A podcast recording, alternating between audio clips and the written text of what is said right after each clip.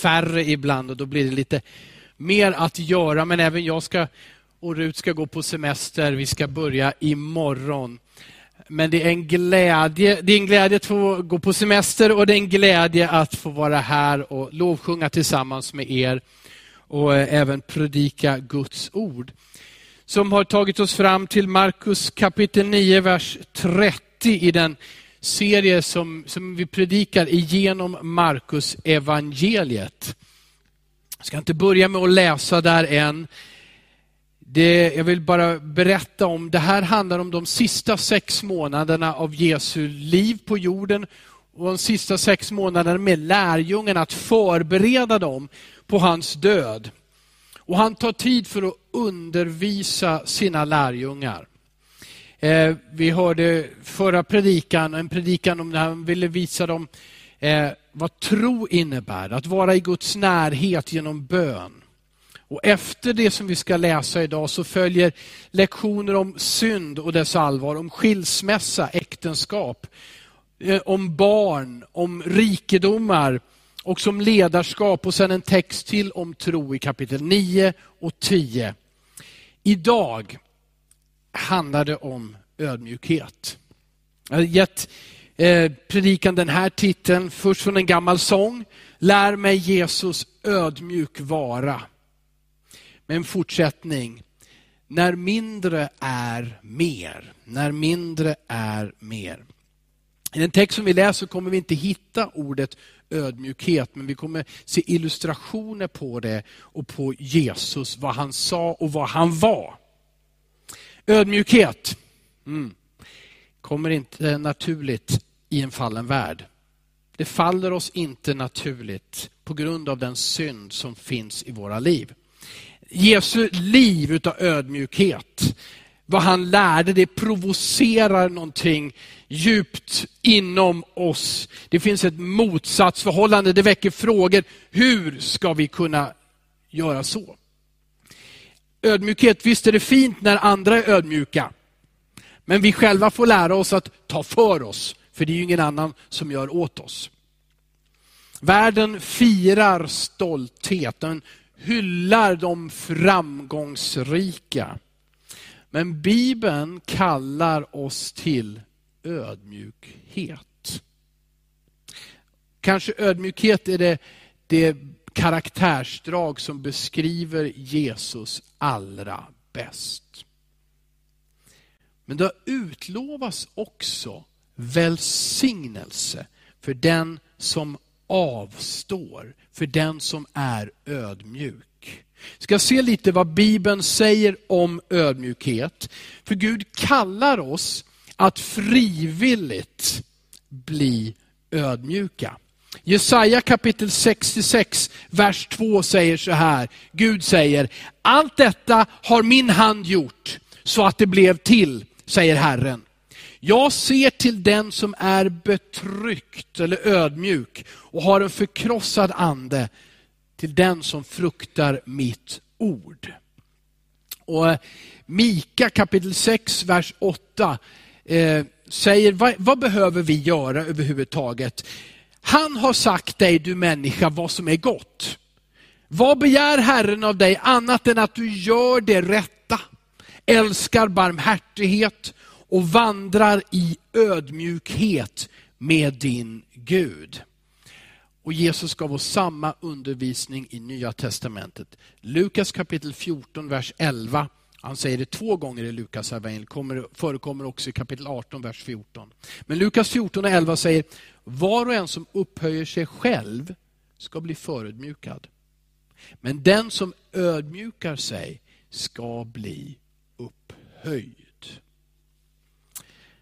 Jag har hört någon annan säga att vägen uppåt, den börjar neråt. Det är så Jesus lär oss att gå. Paulus han bekräftar här, Efesierbrevet 4 och 2, var alltid ödmjuka. Och Kolosserbrevet 3 och 12 säger att vi ska klä oss i olika saker. Tålamod, mildhet och ödmjukhet. Vi ska vara det, vi ska klä oss i det i ödmjukhet. Men du ser hur Herren välsignade. Vill du få fördelaktig behandling av Herren? Nu säger jag någonting som en del av er kanske inte kan föreställa sig. Vill du få komma före i kön? Ödmjuka dig. För Herren välsignar den som ödmjukar sig. Han upphöjer, lyfter fram, för fram den som inte armbågar sig fram själv och bygger på sina egna meriter med sin stolthet, utan den som ödmjukar sig. Det handlar väl handlar om att inse vem Gud är, vem jag är eller vilka vi är. Det handlar om att göra en, en, en, en rätt bedömning av vilka vi är helt enkelt. Och förstå att livet handlar om Gud och det som finns runt oss, om de som finns runt oss.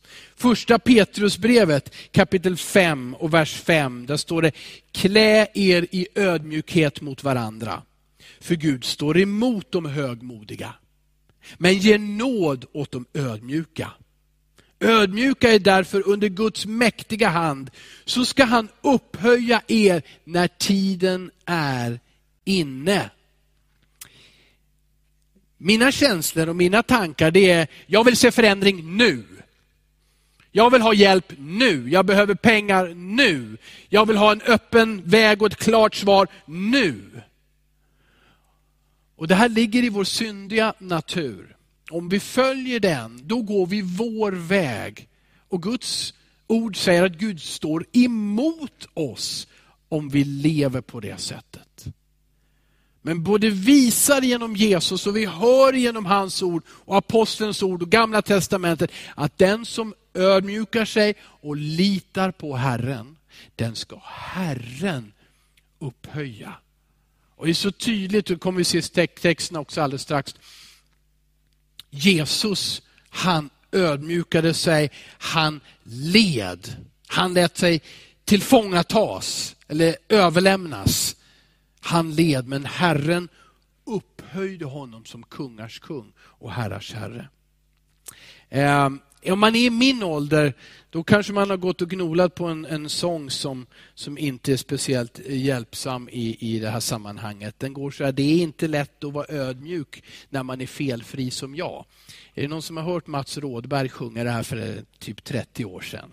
Eh, och så finns, fortsätter det att jag längtar till spegeln för att se hur vacker jag är. Eh, ja, det här är ju fortfarande en parodi. Eh, är det här en parodi? Jag vet inte. Någon sa, jag kom som kung och lämnade som en legendar.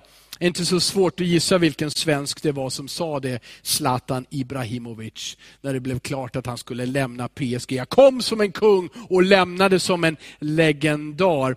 Det här är lite skämtsamt nu, men det handlar om, ska du ära dig själv eller ska Gud få ära dig? Ska du upphöja dig eller ska du ödmjuka dig? Det är ett val. Du har världens väg och den handlar om dig, fokus på dig, vad du kan ta för dig och göra och lyckas med. Det handlar om dig, dig, dig, dig, dig. Bibelns väg är, det handlar om Gud. Och det handlar om människorna runt omkring dig. Att älska Herren din Gud med hela ditt hjärta och att älska din nästa som dig själv. Ja, du får älska dig själv. Men fokuset är på Gud och på andra och vi ödmjukar oss. Det är den enda vägen som Jesus har lärt en kristen som vill vara en kristen i sitt hjärta och inte ha det som en titel eller en kulturell, ja, en kulturell titel eller namn. Jesus undervisar här i Markus nu då, lärjungarna om ödmjukhet. Det här sker i enskildhet som vi kommer att läsa. Men tack vare att Petrus berättade det för Markus och Markus skrev ner det så fick vi det. Innan vi läser en gång till kort, vad är ödmjukhet? Vad är ödmjukhet? Någon har sagt, det är ett beroende av Gud. Att bli mer och mer beroende av Gud, det är ödmjukhet. Ödmjukhet är inte att se sig själv som ingenting. Jag är ingenting och, eller se sin förmåga som ingenting. Jag kan ingenting.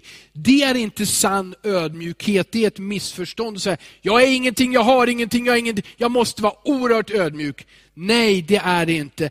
Ödmjukhet är mycket mer det här att göra en verklighetsrelaterad bedömning. Att det finns en universums skapare som har skapat allt och gett allt till det gett allt så att han har dött på ett kors för dig och mig.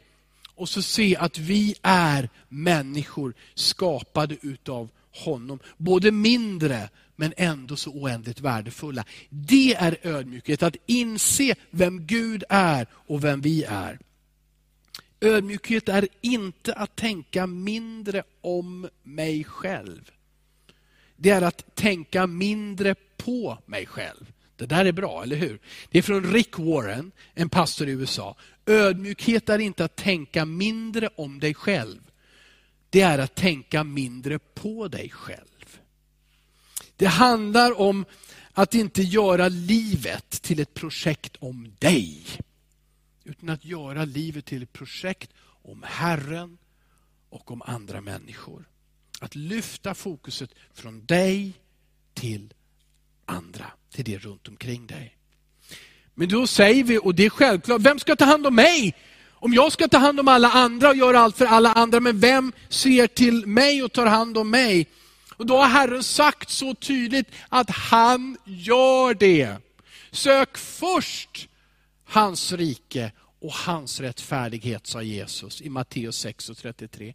Så skall ni få allt det andra också. Gör er därför inga bekymmer om vad ni ska äta eller ha på er. Jesus lovar att han tar hand om den som bryr sig om andra och som söker Herren först. Guds ord säger det om, om och om igen, att den som ödmjukar sig och litar på Gud, den ska Gud ge nåd, den ska Gud välsigna, den ska få se dagar utav rikedom och framgång. Markus evangelium kapitel 9. Jesus ger sina lärjungar fyra lektioner, eller fyra bilder i ödmjukhet. För frågan blir ju ändå denna, oh, men hur blir jag ödmjuk? Jag känner mig själv, hur ska jag bli ödmjuk? Och Det första som Jesus visar här, det är att du ska växa i din förståelse om korset. Växa i din uppskattning av korset.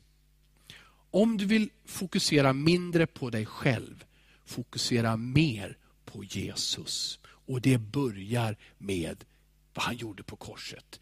Johannes döparen, profeten och predikanten före Jesus sa, Jesus måste bli större och jag mindre. Han fokuserade på Jesus.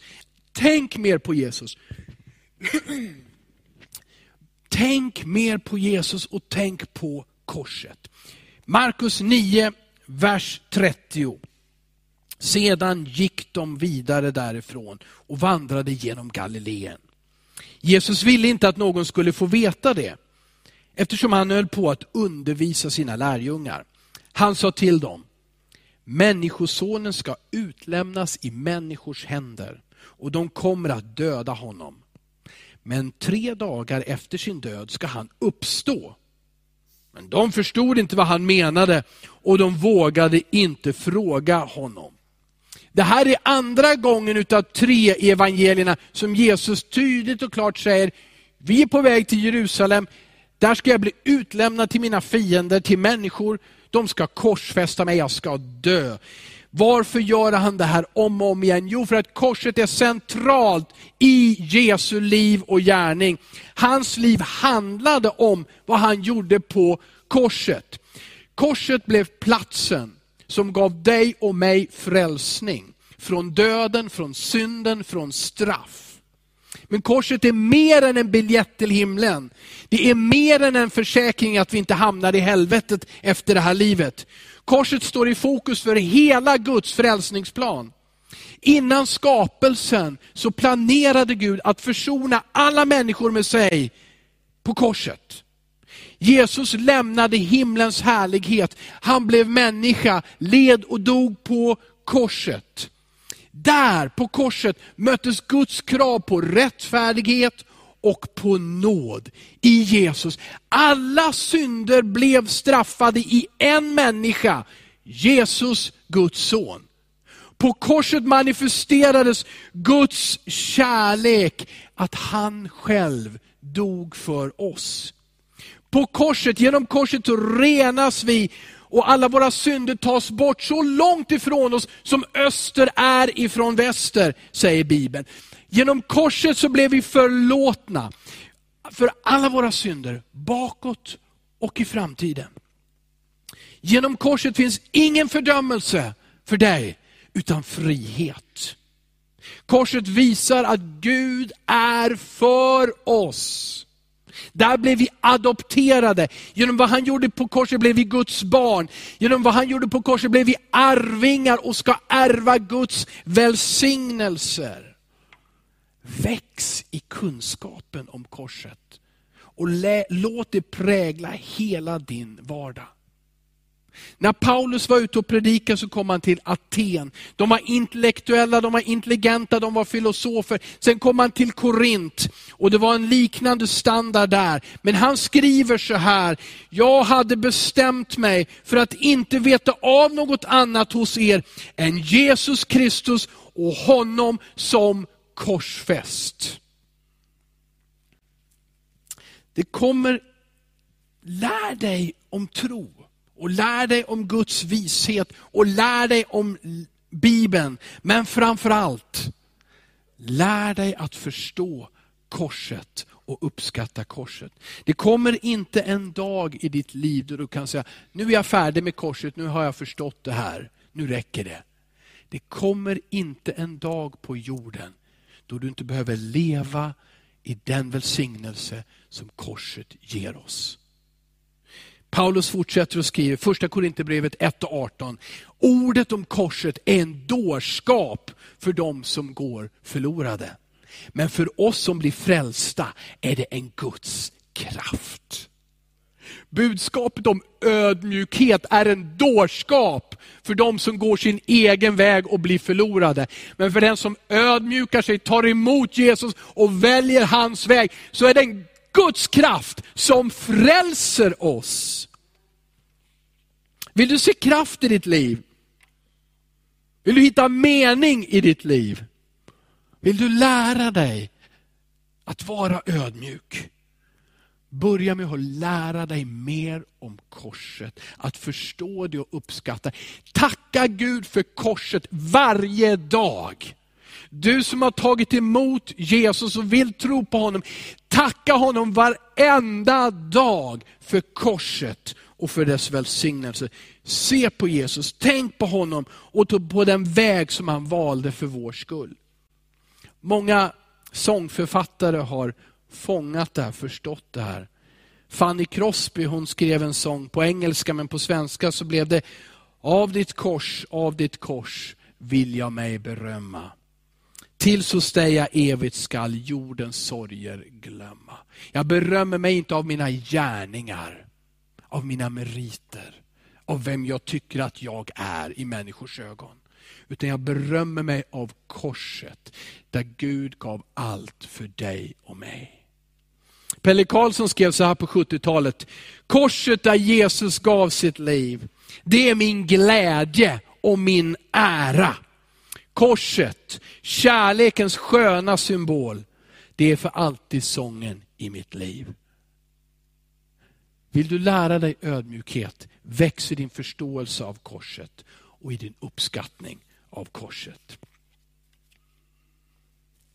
Jesus riktade lärjungarnas blickar mot att han måste dö.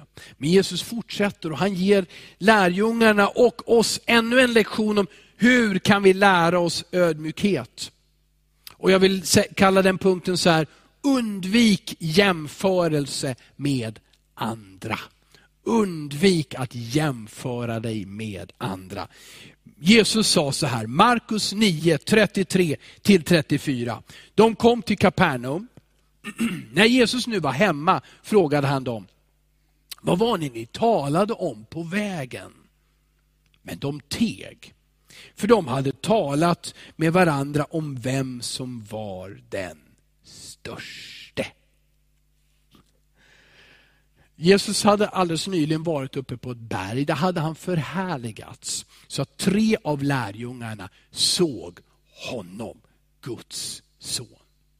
När de kom ner från det berget så träffade de de andra nio lärjungarna som inte hade lyckats att befria en ung pojke från en ond demon som förstörde pojkens liv genom att kasta och slå honom till marken, kasta honom i vattnet så han höll på att drunkna, kasta honom i elden så han höll på att bränna sig till döds. De lyckades inte. Men så kom Jesus och talade om att genom tro är allting möjligt. Den som ber har kraft. Genom gemenskap med Herren. Så visar han den vägen. Och vad, men vad hände på vägen där sen? Jesus talar om, jag måste dö. Lärjungarna, de som följer Jesus talar om, jag kommer att ha den bättre positionen än vad du har. Judas kanske sa, kolla Jesus gav mig ansvaret för pengarna.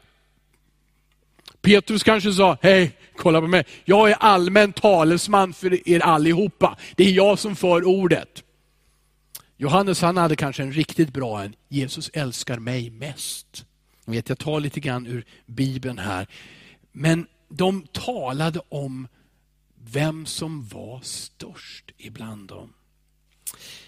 Om du har råkat göra det någon gång så är du väldigt gott sällskap med Jesu lärjungar.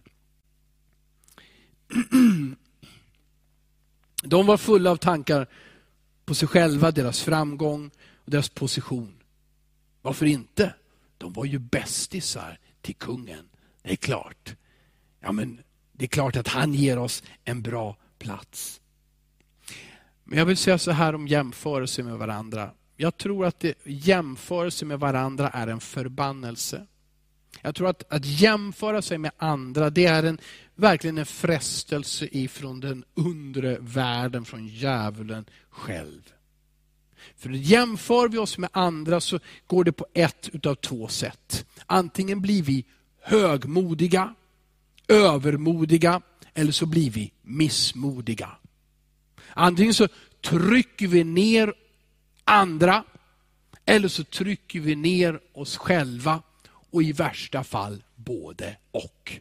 Ett fokus på dig själv och ett jämförande med andra ger dig ingen välsignelse. Det stjäl din glädje, det stjäl din frihet. Det gör dig till fånge. Men om du väljer att lära av Jesus, istället för att spekulera om, är du störst, är jag störst? Säga, Låt oss följa honom och lyssna på honom, även om vi inte alltid förstår vad han säger. Och det gjorde inte lärjungarna. De hade sin bild.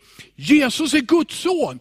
Han befriar de, de bundna, han helar de sjuka, han är kungars kung. Han går till Jerusalem för att bli krönt som kung. Han ska driva ut våra fiender romarna och Israel ska få uppleva en tid av fred. De tänkte en mänsklig Messias, de var fast i det och de tänkte på sina positioner i det riket. Men Jesus, om de hade lyssnat till honom så sa han, jag måste ödmjuka mig. Jag kommer ifrån himlen. Men det räcker inte, det duger inte med att jag har blivit människa. Jag ska bli den lägsta av alla. Jag ska förkastas och föraktas och dö på ett kors. Om vi lär oss av Jesus att lyssna till honom, att se på honom, även om vi inte förstår vart han för oss och inte alltid ord för ord förstår vad han säger. Men med tydligt fokus på Jesus och utan att jämföra sig med dem runt omkring oss, så växer vi i ödmjukhet. Och Herren själv välsignar ödmjukhet. Jesus ger oss två stycken lektioner till här för hur vi kan lära oss ödmjukhet. Och det är genom att betjäna eller hjälpa den som inte kan ge tillbaka till dig. Att betjäna den som inte kan ge dig en fördel eller kan betala tillbaka på något sätt. och att tjäna dem som om du tjänar Herren själv. Då står det i vers 35. Jesus satte sig ner. Ja, jag sätter mig ner. Jesus satte sig ner. Han kallade på de tolv. Och så sa han till dem, om någon vill vara den förste så ska han vara den siste av alla. Och han ska vara allas tjänare. Ordet för tjänare här är inte dolos, det är inte en slav. Ordet för tjänare här är diakonos. Du känner igen det från diakonin. Det är en frivilligt tjänande, inte ett tvingat, påtvingat tjänande av andra människor. Utan den som vill vara den första, den ska frivilligt ödmjuka sig och bli en tjänare till andra. Sen tog Jesus ett litet barn och ställde det mitt ibland dem, omfamnade det och sa till dem. Den som tar emot ett sådant barn i mitt namn tar emot mig. Den som tar emot mig tar inte emot mig utan honom som har sänt mig. Jesus tar ett barn. Barnen hade inte det värde och absolut inga rättigheter inskrivna hos FN som det har idag. Barnen var ofta åsidosatta och hade inte så mycket värde i ett hårt arbetande samhälle, också på grund av den grekiska intellektualism som präglade samhället. Barnen hade inte det värdet. Och om du minns ett annat tillfälle när Jesus skulle tala så kom föräldrar med sina barn och ville att Jesus skulle välsigna dem. Och de vuxna lärjungarna motade bort barnen för de var inte viktiga. De kunde inte bidra till någonting här och nu och kanske inte ens verkligen kunde lyssna och förstå på vad Jesus skulle undervisa. Så varför skulle de vara där? Så lärjungarna tyckte att det var rätt att mota bort barnen.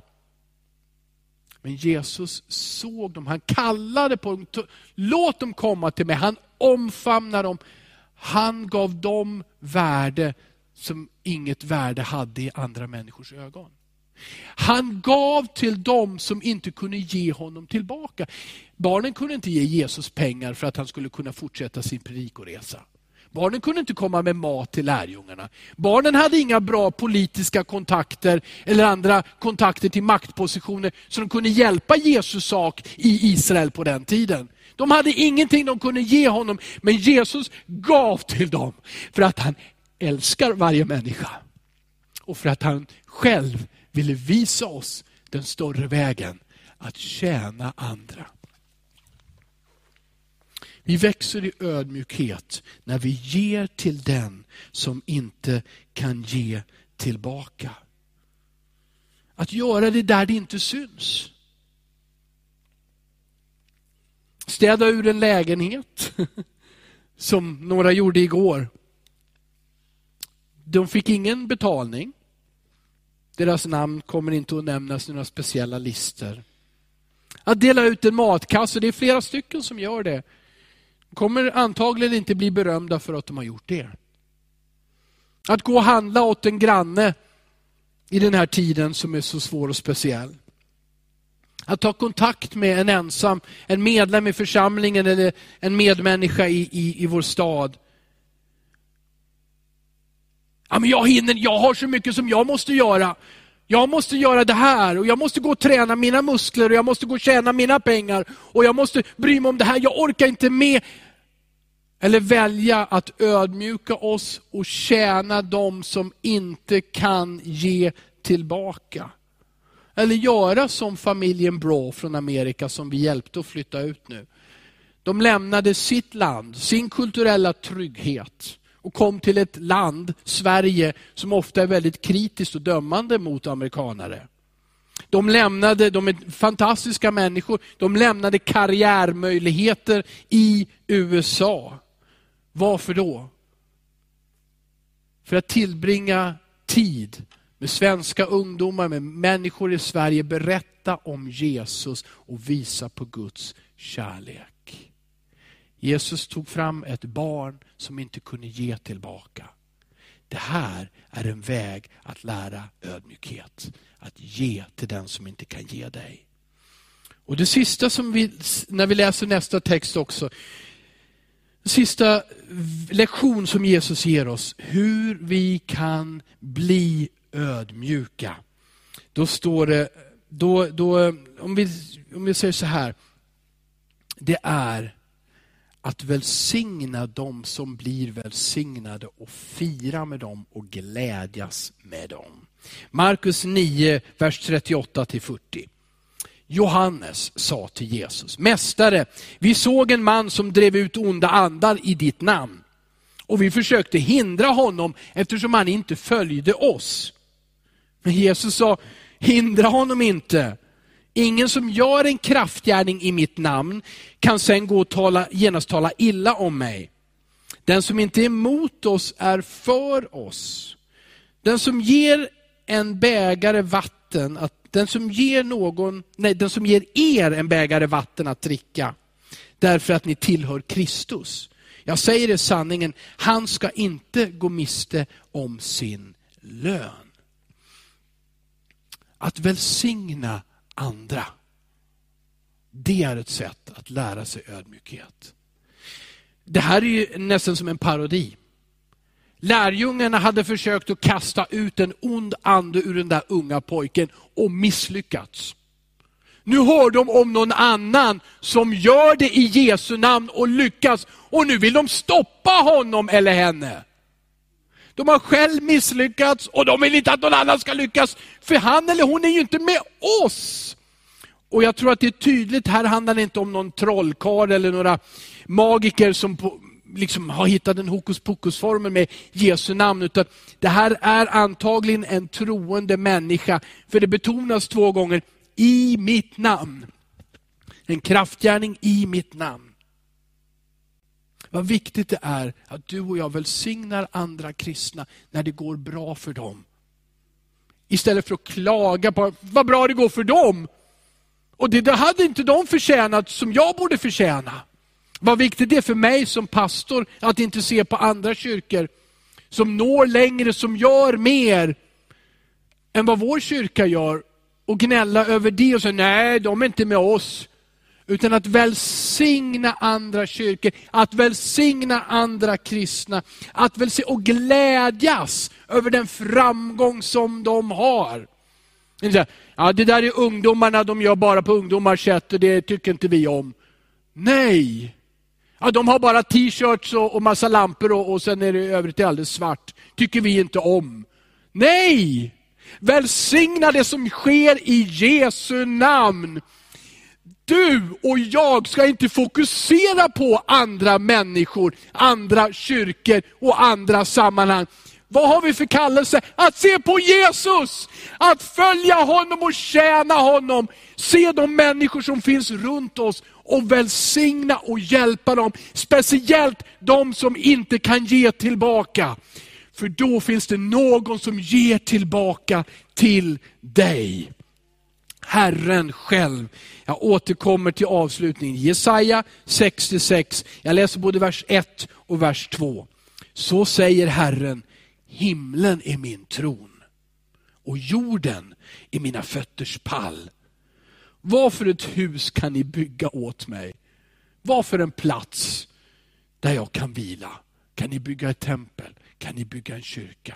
Nej. Allt detta har min hand gjort så att det blev till, säger Herren. Och så säger han ändå, jag ser till den som är betryckt. Jag ser till den som är ödmjuk och har en förkrossad ande. Jag ser till den som fruktar mitt ord. Vi sjöng det förut, han är en Gud som gör mirakel. Han öppnar dörrar. Han ger ljus in i mörker. Han befriar den som är bunden.